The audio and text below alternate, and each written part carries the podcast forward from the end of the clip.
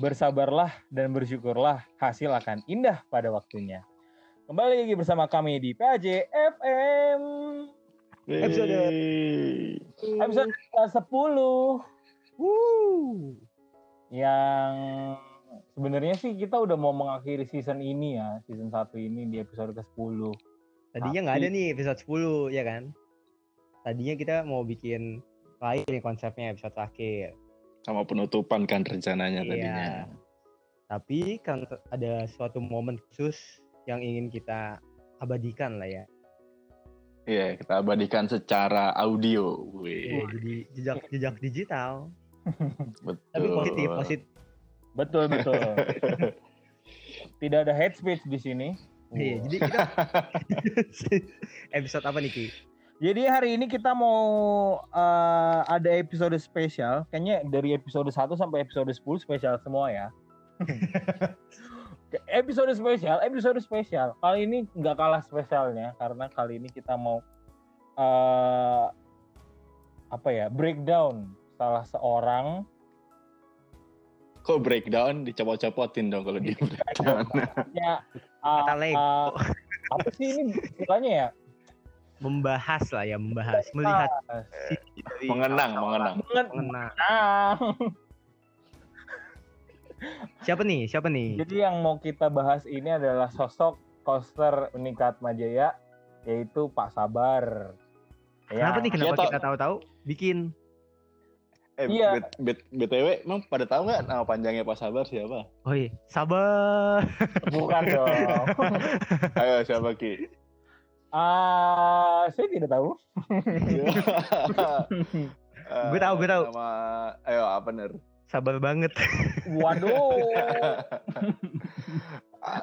Kalau saya tidak salah ingat ya, Oke. kalau ada ada for form pengisian pengisian buat karyawan Agustinus Sabar Utomo kalau nggak salah. Oh, Ada oke. Agus.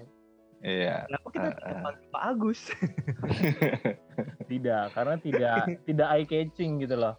Eye catching. Pak Sabar itu tugasnya apa ya? Mungkin ada yang pendengar-pendengar kita belum pada tahu siapa Pak Sabar. Yang mau jelasin siapa nih? Rainer atau gue? Bebas. aja. Oke. Bebas. Re, eh, Rainer dah. Oke. Ini kok kita judul lempar-lemparan tugas. Betul. Oke, intinya nah, kayak tadi Kia udah sempat bilang Pak Sabar itu coaster di Kapel Unikat Majaya, tepatnya di lantai 13 Gedung KW. Tahu lah ya. Base, eh, Nah, Semanggi ya. Semanggi, Semanggi. Nah, biasanya jadi Pak Sabar itu kayak ngebantuin misa, nyiap-nyiapin alat-alat misa, kayak maksudnya Hmm.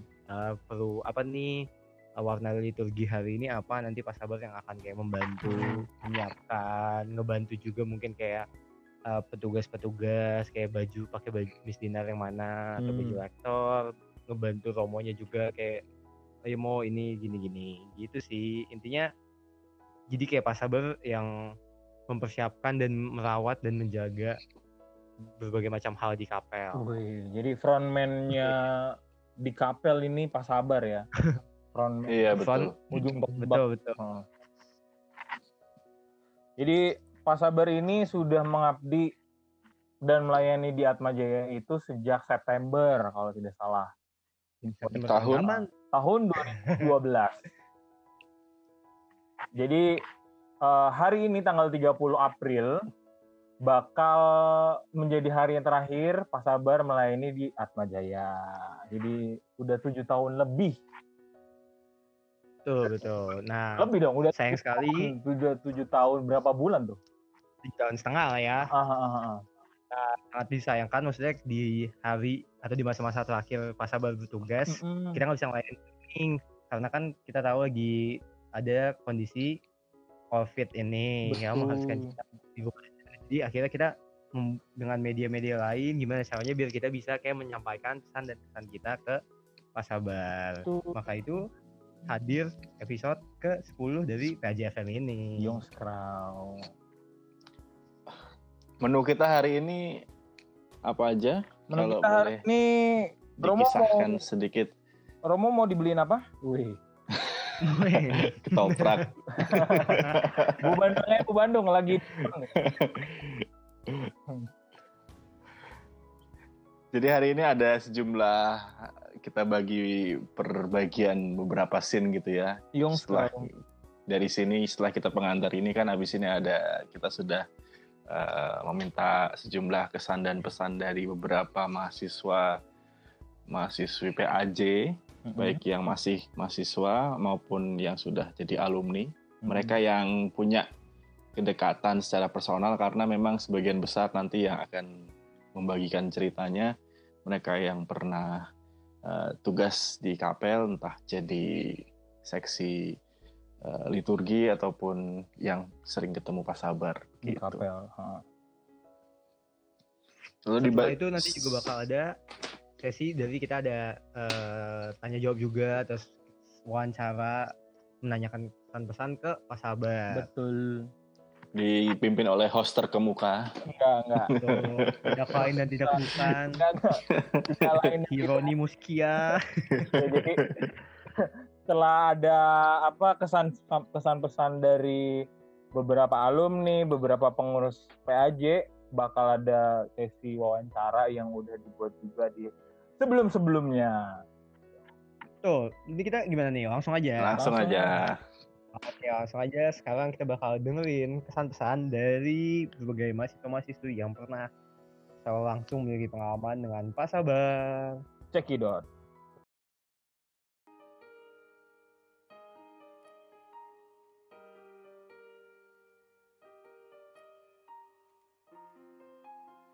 Hai Pak Sabar, ini aku Pak Ratih.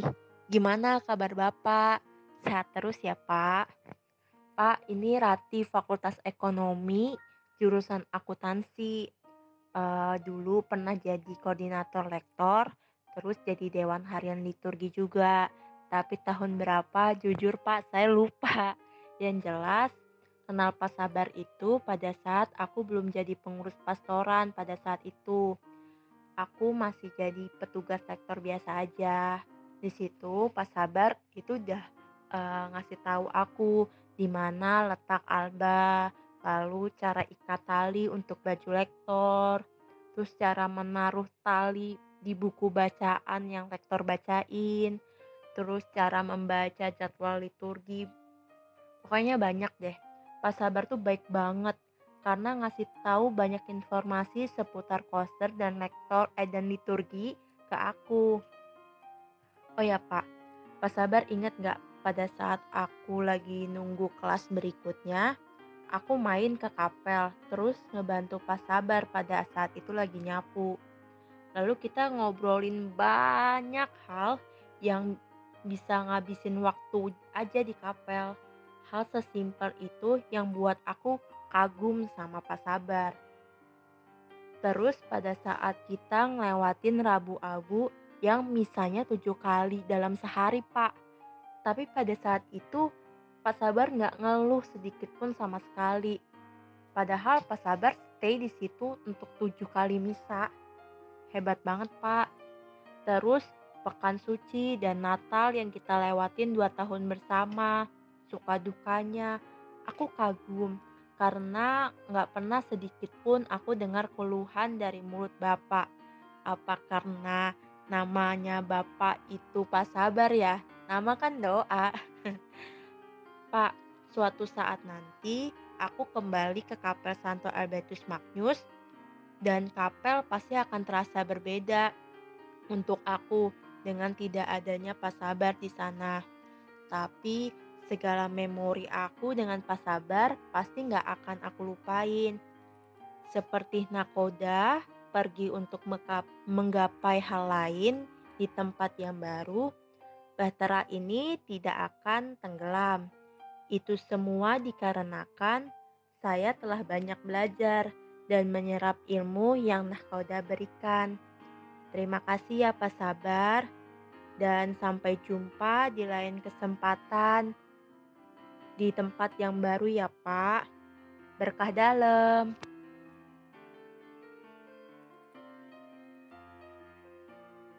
Halo, namaku Christine. Biasa di PAJ dipanggil Itin. Aku jurusan ekonomi manajemen. Puji Tuhan sekarang sih udah bekerja. Dulu di PAJ aku pernah jadi koordinator Kristinar. Nah, di situ tuh pertama kalinya kenal Pak Sabar. Bagi aku, Pak Sabar tuh teman cerita di kala ada waktu luang saat menunggu mata kuliah di sore hari. Kan Pak Sabar standby-nya di kapel tuh. Nah, kita cerita-cerita lah sore-sore. Orangnya tuh baik banget, pembawaannya tenang, dan nasihatnya mantep-mantep. Bagi anak liturgi, mungkin ya, kenangan terindah tuh waktu pelayanan Pekan Suci di Atma deh. Itu pas hetik-hetiknya. Kalau sama Pak Sabar, biasa kita bersihkan alat misa, beresin alat liturgi, naikin semua peralatan ke kapel sampai malam. Kalau ada yang sedih atau yang capek gitu, pasti Pak Sabar hibur atau dipijit kecil gitu. Satu lagi, hampir semua anak-anak yang sering ke kapel nih pasti pernah ngomong gini. Pak, aku mau numpang cas ya di sini. Itu loh colokan listrik yang terkasang sistem. Kita harus minta izin dulu karena kan Pak Sabar yang bertanggung jawab atas teritori wilayah kapel. Nah, sekarang waktu terus berjalan, pasti ada saatnya untuk berkarya di tempat lain. Pak Sabar, semoga bisa semakin berbahagia dan sehat selalu. Waktunya istirahat dan berkumpul bersama keluarga. Pokoknya mantap deh Pak Sabar. Terima kasih atas semua jasa kebaikannya ya.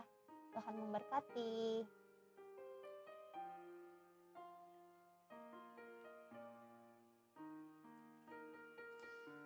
Halo Bapak, Hmm, nama aku Cila dari Fakultas Ekonomi. Aku sebagai DH Liturgi 2019-2020. Awal kenal Bapak itu karena sering tugas lektor dan Miss Dinar di kapel. Pak Sabar itu orangnya sabar kayak namanya, perhatian, terus kalau misalnya diajak ngobrol asik, jadi bisa ngomongin topik apa aja. Terus jago pijit. Jadi kalau misalnya sakit bisa minta tolong Pak Sabar pijitin. Terus Pak Sabar itu ramah banget dan murah senyum sehingga bikin orang-orang yang deket sama Pak Sabar itu nyaman. Terus pesan aku buat Pak Sabar, semoga Bapak dan keluarga sehat terus, murah rezekinya, dan mendapat berkat terus sama dari Tuhan dan yang paling penting, kalau misalnya ada waktu, Bapak harus main-main ke kapel ya.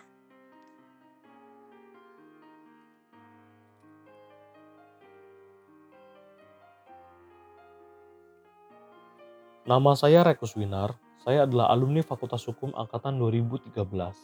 Pada saat saya bergabung dalam keluarga besar Pastoran Atmajaya, Posisi pertama saya adalah sebagai asisten koster liturgi yang merupakan jabatan dengan tugas membantu pasabar secara langsung dalam setiap kegiatan ekaristi ataupun kegiatan liturgi. Karena jabatan tersebut adalah jabatan pertama saya, tentunya pertemuan dengan pasabar adalah salah satu yang paling berkesan. Pasabar adalah salah satu orang yang pertama menjadi teman saya di PAJ dan sekaligus menjadi mentor saya dalam setiap tugas yang saya emban. Hal tersebut menjadi sangat berkesan bagi saya, karena berkat bimbingan, pelajaran, dan segala hal yang diberikan oleh beliau, beliau sudah menjadi guru, sudah menjadi teman baik, sudah menjadi orang tua selama saya mengenyam studi di Atmajaya. Pesan saya untuk Pak Sabar yang saya cintai, yang saya hormati, yang saya banggakan. Terima kasih Pak Sabar atas segala bakti, cinta kasih, selama menjadi bagian dari Atmajaya, khususnya keluarga besar Pastoran Atmajaya. Maafkan kami Pak, jika selama ini saya dan teman-teman memiliki banyak salah dan sering kali merepotkan Bapak. Pak Sabar sudah menjadi orang tua bagi banyak anak PAJ yang akan selalu merindukan kehadiran Bapak di Kapel Atmajaya. Berakhirnya masa bakti Bapak ini bukan berarti berakhir pula kekeluargaan yang sudah ada ini. Pak Sabar akan terus dan akan selalu menjadi anggota keluarga kami. Kami akan selalu untuk ada untuk Bapak. Kami selalu mendoakan yang terbaik untuk Bapak. Terima kasih, Pak. Terima kasih.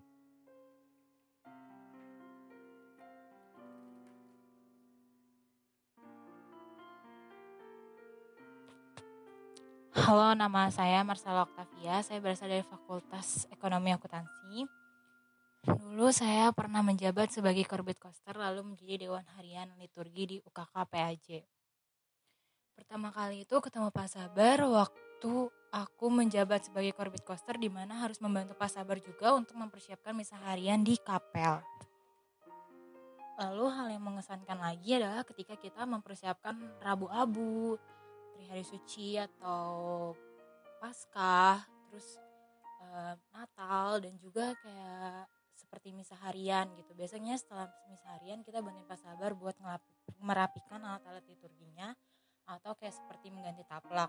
Lalu setelah itu kita biasanya suka kumpul bareng sama Pak Sabar di sakristi buat cerita, buat sharing, ketawa bareng dan sebagainya.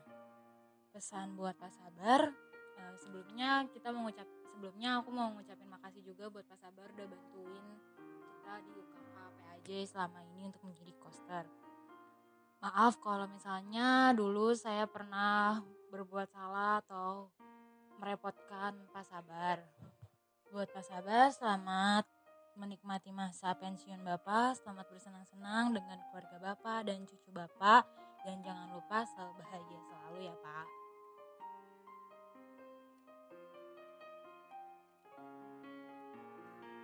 Halo, nama aku Yohan dari Fakultas Psikologi 2016. Dulu di PAJ pernah menjabat sebagai korbit Miss Dinar. Terus jadi DH liturgi dan jadi ketua PAJ periode 18-19. Nah, kenapa sabar itu pertama kali pas eh, pertama disuruh tugas Miss Dinar. Kalau yang paling mengesankan itu sebenarnya eh, apa ya Pak Sabar itu orangnya sangat ramah sih karena ketika kita baru masuk eh, kapel pasti selalu ada sosok, sosok yang nyapa kita tuh dengan sangat ramah dan hangat gitu kayak kayak misalkan aku eh, masuk setiap masuk kapel Pak Sabar tuh selalu kayak eh, ngangkat tangan terus dadain terus kalau enggak jawab halo yo apa kabar? Udah lama nggak pernah kelihatan kayak gitu. Terus Uh, udah gitu Pak Sabar itu sebenarnya menurut aku sesuai sama namanya karena dia itu orang yang paling sabar. Karena uh, aku kan beberapa tahun juga pernah bekerja sama dengan Pak Sabar. Nah uh, setiap kali aku ada masalah setiap kali kita lagi bikin rusuh atau apa Pak Sabar tuh nggak pernah marah gitu. Nggak pernah marah dan selalu uh, bantu kita buat nyari solusinya. Dan dia tuh bener-bener orang yang paling sabar dan selalu senyum kalaupun kitanya lagi buat onar gitu selama selama tugas sebagai pengurus-pengurus liturgi. Uh, dan dia tuh juga yang tadi yang aku bilang dia tuh selalu uh, membawa suasana kapel tuh menjadi uh, ramah karena setiap orang datang tuh dia tuh selalu senyum selalu nanya mau kenal ataupun enggak Pak Sabar tuh selalu melayaninya dengan cukup ramah kayak gitu kalau pesan untuk Pak Sabar sebenarnya uh, sedih sih Pak karena Pak Sabar udah nggak lagi kerja di Kapel Atma sebagai coaster. Jadi nanti kalau misalkan aku ke kapel atau siapa pun ke kapel, jadinya nggak nggak bakal atau uh, ya nggak bakal lagi ngelihat ada Pak Sabar di kapel. Tapi pesan aku semoga Pak Sabar selalu sehat, selalu sehat, terus lancar dan sukses terus dalam setiap kegiatan yang setelah ini Pak Sabar akan lakukan. Uh, jangan lupa sama anak-anak di Atma ya Pak, terutama anak-anak PAJ. Uh, dan juga semoga tetap bisa selalu kontak-kontakan sama Pak Sabar. Tuhan memberkati Pak Sabar. Satu lagi aku mau ngucapin banyak terima kasih untuk Pak Sabar karena dari mulai aku jadi maba sampai akhirnya aku bisa naik ke ketua PAJ, Pak Sabar tuh selalu bantuin aku, selalu ngebimbing dan juga selalu nge-support apa pun yang terjadi. Makasih Pak Sabar.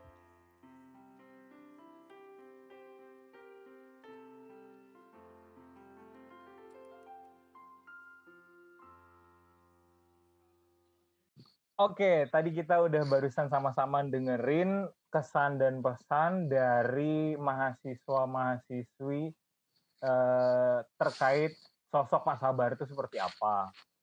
Sekarang kita lanjut ke segmen atau ke bagian berikutnya yaitu wawancara langsung, nggak langsung sih, maksudnya by telepon gitu dengan Pak Sabar sendiri.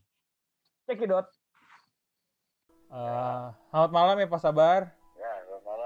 Ya. Uh, apa kabarnya nih Pak? Baik, sehat. Sehat ya Pak ya? Sehat. Puji Tuhan. Puji Tuhan. Selama di rumah kegiatannya ngapain aja nih Pak? Ya, mau ngomong bersih-bersih gitu rumah Heeh. ya, kadang ya keluar sih ngantor belanja oh iya belanja ya belanja tetap Iya. harus di apa ya mau nggak mau kita keluar gitu ya pak ya iya Heeh. harus Terus pengamanan di luar sendiri di daerahnya bapak gimana? Di daerah saya cukup bagus sih. Di komplek kan banyak yang di itu tutup jalanan. Oh iya iya. Jadi jalan masuk hanya satu jalan remaja. Yang lainnya portalnya pada ditutup. Pada ditutup ya? Ya. Terus Hmm. penyemprotan disinfektan itu rutin. Hmm. Itulah penanganannya terus apa ini pak eh, hari ini saya mau wawancara bapak ya karena eh kan Pak Sabar sudah memasuki masa purna bakti di Atma Jaya selama dari tahun berapa ya Pak ya? Kamis besok masuk tanggal 30 itu terakhir Pak. Oh tanggal 30 ya harusnya ya. ya masuk besok Kamis Oh masuk ya. ya ketemu Romo sama Mas Bowo Wih. Eh itu pas 7 tahun Pak atau? ya dari 2012 bulan September Oh dari sampai 2000 30 April 2020 Oh ha, ha, ha, berarti 7 Ya. tahun ya.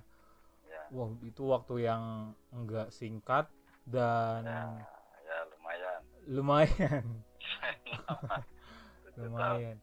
Nah, selama Bapak berkarya dan melayani di PAJ di Pasaran Atmajaya itu Bapak punya pengalaman-pengalaman yang berkesan nggak Pak? pengalaman yang berkesan tentu ada lah Mm-mm. yang berkesan ya Mm-mm. kalau yang berkesan ya yang pertama dari pihak mahasiswa Ya. Mereka kan kebanyakan dari luar Mm-mm. dan kayaknya yang saya perhatiin mereka untuk gereja kurang kayaknya ah, ah. tapi setelah jadi pengurus dan masuk di kapel mereka semangat itu aja yang paling berkesan mereka pada semangat gitu lah Semangat ya Pak ya. iya Hmm, Jadi kayak ada keinginan untuk mengetahui. ya masuk di situ mungkin baru di parokinya waktu di kampungnya mungkin dia kurang aktif jadi tahu benar itu seperti itu kayaknya di Ahmad Jaya Hmm. ya Nah, eh tadi kan Bapak bilang eh, tantangan juga ya mungkin ya itu ya. Ketika bertemu sama mahasiswa yang belum tahu apa-apa tentang mungkin pelayanan di gereja di parokinya masing-masing yang mungkin belum aktif, tiba-tiba Ah. jadi pengurus PAJ. Tentu Ya. itu juga jadi tantangan tersendiri apa ya? ya mungkin dia kan bertahap lah Hmm. ya bertahap jadi ya dari rekanannya dia akhirnya mereka jadi ngerti Nah, cara Ah. Bapak untuk menyesuaikan atau berkata tetap bisa uh, nyambung sama anak-anak muda mahasiswa ini gimana, Pak?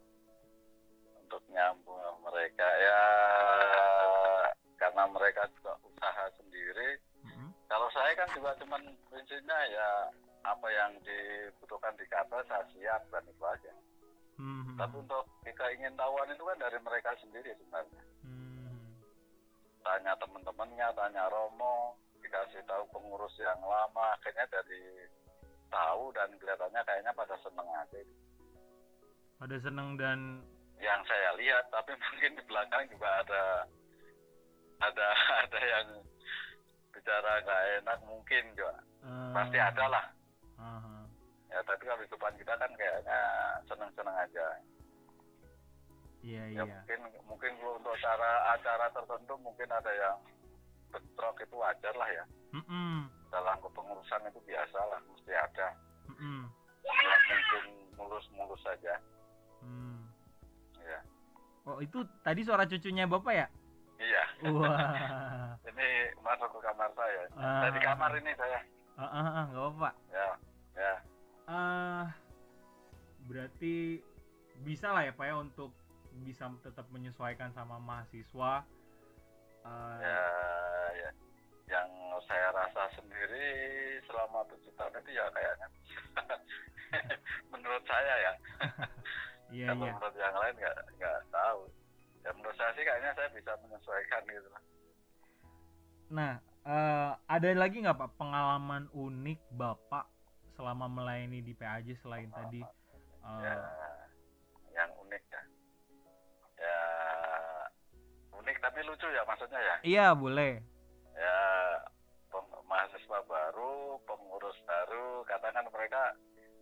nyalain lilin itu ya. Heeh, heeh, Nah, terus kan di lilin itu ada kaca. Heeh. Sebelum, sebelumnya kan kacanya saya taruh di belakangnya dia nyalain kacanya nggak dimasukkan di lilin tapi tetap di di sampingnya. Lucu juga ya. Heeh. Eh, terus yang paling lucu lagi itu waktu itu mau krisma apa apa ya? Oh heeh. kan seharusnya saya nyiapinnya merah Mm-mm, kan tiba-tiba monsinyur minta putih. Mm-mm. ya monsinyur kasih yang putih miskinannya merah. Tapi nggak ada yang tahu loh. Oh iya iya iya. Liturgi, bahkan liturginya. Saya ngeh itu setelah, setelah selesai. Loh kok miskinannya pakai merah ini? Monsinyurnya juga nggak ngeh loh. Iya iya iya iya. Ya biasanya kan krisma itu me eh putih ya? Putih pak. Perayaan. Pokoknya waktu nggak tahu waktu itu gimana bisa jadi gitu. Ah, Kalau- kalau yang lain aja ya kekonyolan biasa lah anak-anak muda. Mahasiswa terus kalau apalagi oh ada lagi nggak pak? Apalagi Hmm, kalau misalkan eh, pengalaman-pengalaman yang sedih gitu pak selama di PAJ yang mung- mungkin kalau misalkan bapak inget-inget lagi oh ternyata dulu ada pengalaman seperti ini yang sulit terus eh ternyata bisa dilewati gitu itu gimana pak? pengalaman yang sedih untuk pelayanan itu ya Mm-mm. kalau untuk pelayanan ke anak-anak kayaknya nggak ada Hmm. sampai membuat sedih nggak ada lah Seneng terus ya pak ya? lah sedihnya ya kalau agak agak-agak kecewa sedikit sih ada tapi bukan sedih Ah, ah, ah, ah. ya wajar lah Iya. dalam kerjasama Hmm. Nah dari dari pengalaman-pengalaman itu yang bapak lihat dari Atma Jaya dari pastoran Atma Jaya sendiri itu seperti apa pak? Kan udah tujuh tahun nih pengalamannya ya banyak yang saya suka lihat dukanya. eh, dari utama aja ya Mm-mm. pertama utama kan kapel itu adanya tuh itu untuk fasilitas pendidikan sebenarnya Mhm. makanya di bawah paroki ya nggak bisa berdiri paroki sendiri Iya. karena umatnya kan silih berganti dan juga pengurusnya setahun ganti setahun ganti Mm-mm. ya kalau pastornya ya pastor tetap pastor kepala lah jadi kayak paroki jadi memang ke kapel untuk fasilitas pendidikan Mhm. tapi dibuat seperti di paroki gitu Mhm. ya bagusnya itu aja Hmm. untuk pastorat pas lah karena ada juga Universitas Katolik Mhm. ada fasilitas kapel Mhm. ada untuk pembelajaran mahasiswa yang mau ke rohani Katolik Mhm. ya itu bagus Jadi pas ya pak ya? pas Hmm. makanya kayaknya maju terus semoga lah ada terus Aha. Yang bapak lihat dari eh, pastoran sendiri gimana pak?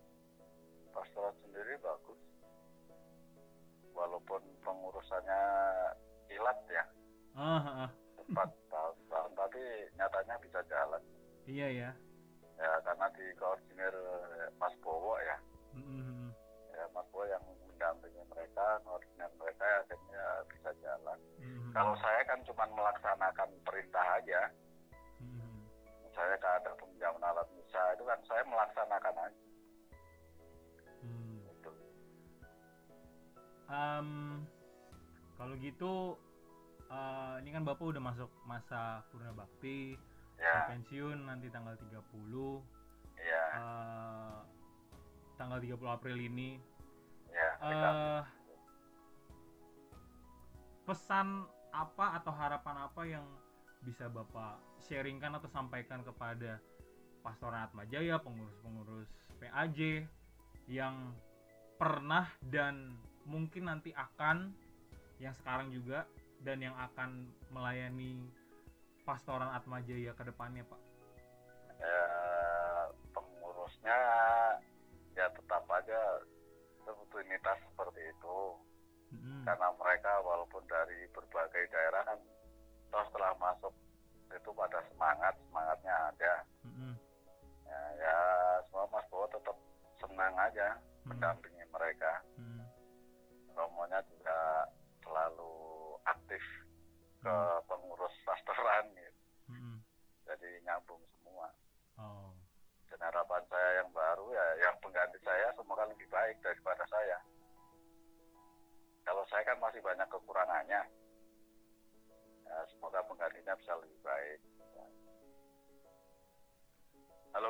Iya, iya Pak. Masih saya masih dengerin. kirain enggak, Ya. enggak. ya, Jadi- kali ya Harapannya tetap semangat ya untuk ya para tetap pengurus. semangat tetap berjalan seperti biasa untuk Mm-mm. pengurusnya Mm-mm, tapi Mas Bowo tetap semangat mendampingi mm-mm. Ya. Oke, Pak sabar. Nah, Pak, satu lagi nih, Pak. Ini pertanyaan yang mungkin agak sedikit kepo juga nih, banyak yang kepo juga mungkin. Kan Bapak di kapel nih ya untuk melayani sebagai koster. ya Jadi punya waktu yang cukup banyak atau dihabiskan secara sendiri. Nah, Nah, di kapel itu Bapak pernah ada pengalaman-pengalaman mistisnya gitu nggak, Pak? pengalaman mistik Mm-mm. Oh, kalau pengalaman mistik ya, ya itu saya abaikan aja sih. Oh, ada berarti, Pak ya? Ada atau enggak, enggak saya ya nanti malah pada aneh-aneh Iya. ya karena kalau di mana saja namanya tempat ibadah itu pasti ada, ah. terutama jiwa-jiwa yang masih perlu doa lah, Ah, ah, perlu itu pasti ada. Gereja-gereja pun pasti ada karena mereka membutuhkan doa-doa kita. Ya, ya itu sih wajar aja. Oke, oke. Pokoknya semua tempat ibadat ada. Berarti ada ya, Pak ya, ada. Se- semua tempat ibadat tuh ada. Oke, oke. Ya. berarti ini agak sedih juga kenapa kita selalu meninggalkan Pak Sabar sendirian di kapel. Tidak ada yang nemenin. Oh nggak apa-apa emang. memang begitu. Oke deh Pak Sabar, Ya, Eh, oke. sekian aja untuk wawancaranya malam ini. Ah, ya. Terima kasih banyak Pak Sabar Terima sekali kasih. Ya. lagi untuk pelayanan dan karyanya Pak Sabar selama tujuh tahun di Atma Jaya.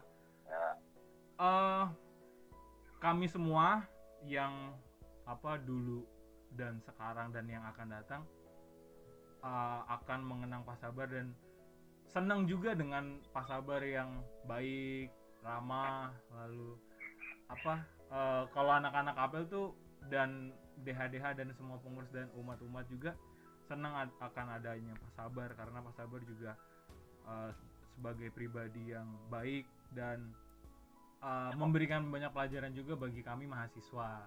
Gitu. Saya pribadi juga banyak belajar dari Pak Sabar. ya biasalah saya kan melayani. Iya. Untuk itu terima kasih banyak Pak Sabar sekali Ya, lagi untuk makasih. pelayanan Oke, tujuh sehat tahun. selalu ya. Iya Pak, Pak Sabar juga sehat Oke. selalu Pak untuk Ya, keluarga dan cucu-cucunya. Ya. Salam oke. ya Pak. Oke, Terima kasih. terima kasih.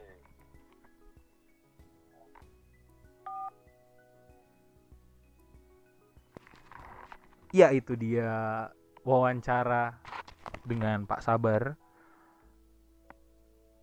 Kita lanjutkan kembali ke podcast PAJ FM.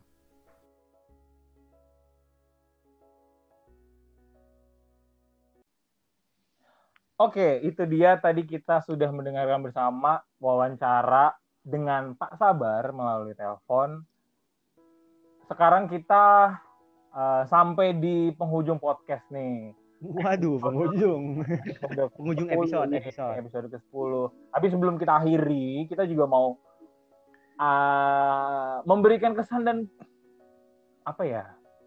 Pesan juga dah untuk Pak Sabar ini. Wih. Dimulai dari siapa dulu nih? Rainer, Romo? Bebas siapa aja bisa. Rangga. Ya, udah Rangga. udah ngomong. Rangga nggak Rangga. Nggak ada. Oke, kalau dari saya pribadi sih kalau Pak Sabar itu sosok sosok bapak juga uh, yang ada di kapel. Jadi uh, kalau ke kapel bisa itu ngobrolnya sama Pak Sabar itu awal-awal uh, ngobrolin apa aja terkait politik, macet, sampai musim hujan segala macam banjir tuh diomongin terus deh. Kalau misalkan uh, ke kapel terus nunggu misa. Jadi uh, apa ya komunikasi dengan seorang Pak Sabar tuh bakal dirindukan banget sih kalau bagi saya pribadi karena Pak Sabar orangnya juga baik, orangnya ramah dan humoris juga ada beberapa cerita-cerita lucu yang ya bisa menjadi kenangan terindah tuh bersama Pak Sabar.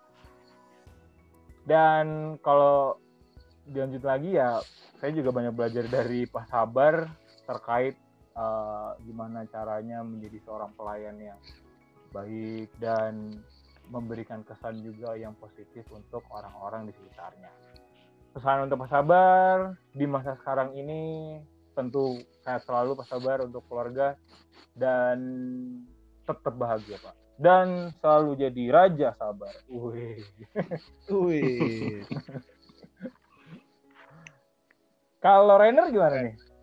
selanjutnya kalau dari gua bener sih bener banget kalau kata si Kasia tadi dan kayak yang udah kita dengar kesan-kesan dari teman-teman kita tadi sama kayak gimana abis dengerin dari cerita Pak Sabar juga kayak menarik banget sih dan itu hal-hal yang bakal dikangenin banget kayak walaupun uh, gue pribadi kan baru kenal Pak Sabar kira-kira 2017 akhir mungkin atau 18 awal pertengahan. Mm -hmm.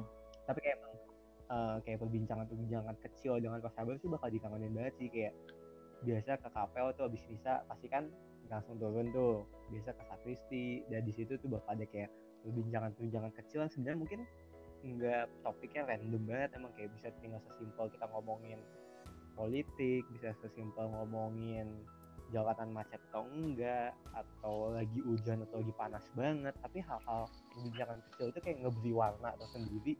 Jadi pengalaman pengalaman kapel itu kayak ada suatu hal yang mungkin bakal dikangenin nanti ketika gue kembali bakal ke kapel. Abis bisa mungkin akan ada sosok pas sabar yang bakal gue kangenin dan mungkin cuma gue doang sih teman-teman yang lain juga sih kayak hal-hal seperti itu bakal dikangenin banget dari sosok pas sabar yang mungkin awalnya kelihatannya pendiam cuman kayak semakin kita kenal sih ada sifat-sifat pas sabar kan sebenarnya pas sabar tuh suka juga bercerita suka juga kayak tadi kayak bercanda-bercanda sedikit dan emang sosoknya yang sangat pengertian dan sabar. Sama satu hal sih gue dapet uh, pas sabar itu kayak peduli banget sama keluarganya dan pengen ngebantu.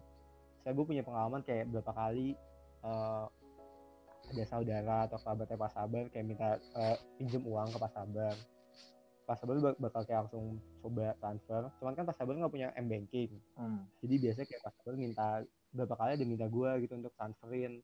Saat itu uh, dan kayak pas itu jadi kasih cash ke gue gue transferin kayak itu kelihatan banget sih bahwa pas itu kayak punya kepedulian yang tinggi juga buat ngebantu keluarga sama kerabat-kerabatnya sih. Hal itu sih yang mungkin bakal gue kangen nih family man ya? bukan dari sosok. Iya bener terakhir nih. Dari Romo Yogo. Ya pasti kalau buat sabar pertama saya ngucapin terima kasih dulu tuh.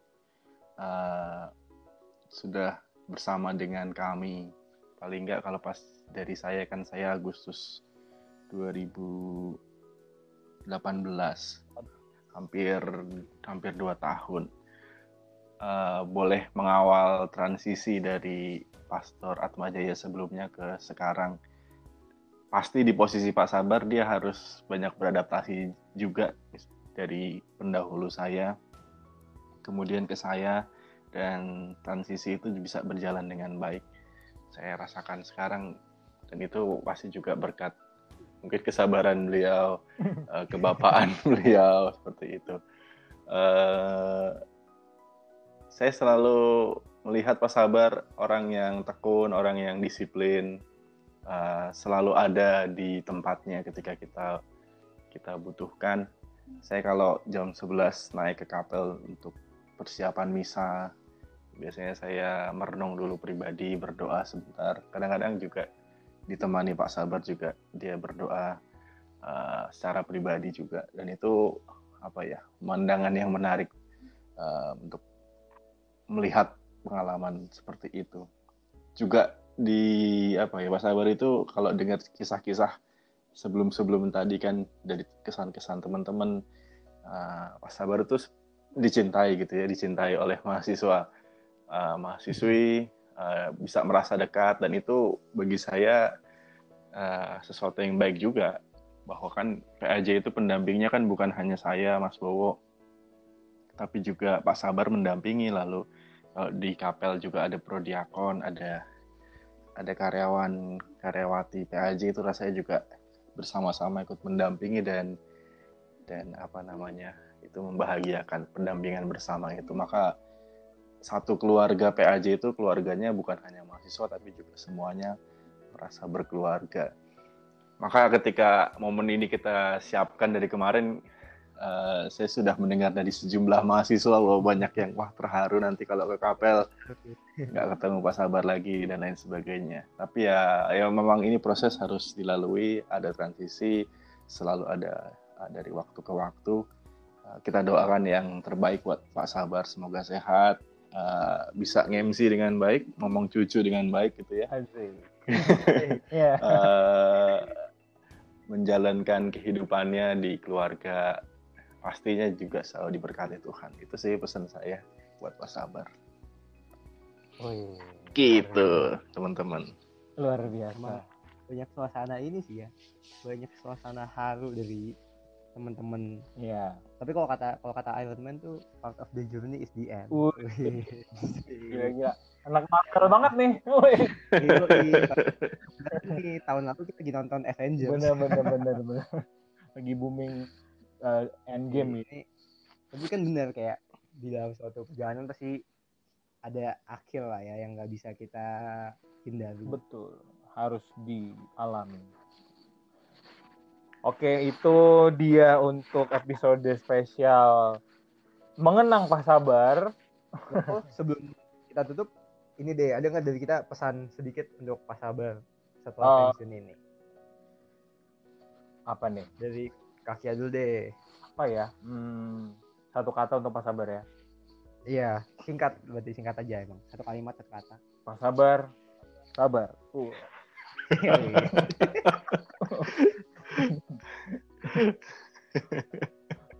Udah nih, udah nih, udah beneran. udah, Oke. udah luar biasa.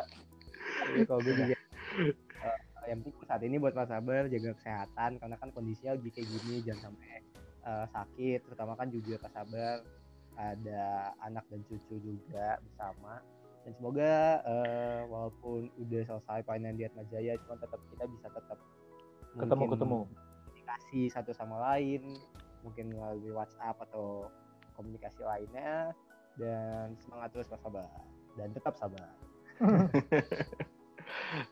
Kalau saya pesannya ya buat dua pesan saya. Eh, semoga selalu bahagia dalam pelayanan di mana pun.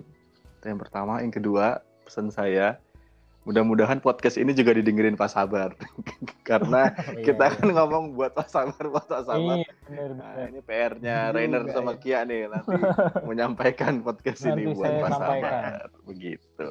Itu saja. Siap. Siap. Itu pesan ke kita ya, Ner ya, bukan ke jadi menyasar ke kita Oke deh. Eh, sekian dulu untuk pesi eh, pesido di lah. Limpet gua ngomongnya. Sekian dulu untuk episode 10 tentang Pak Sabar ini. Eh, sekali lagi terima kasih banyak untuk Pak Sabar. Dan sampai jumpa di kesempatan berikutnya Pak Sabar dan Se- Terima kasih juga udah semua buat yang udah dengerin. betul para PJF. pendengar PJFM PJF. 10. Sabar. Wih.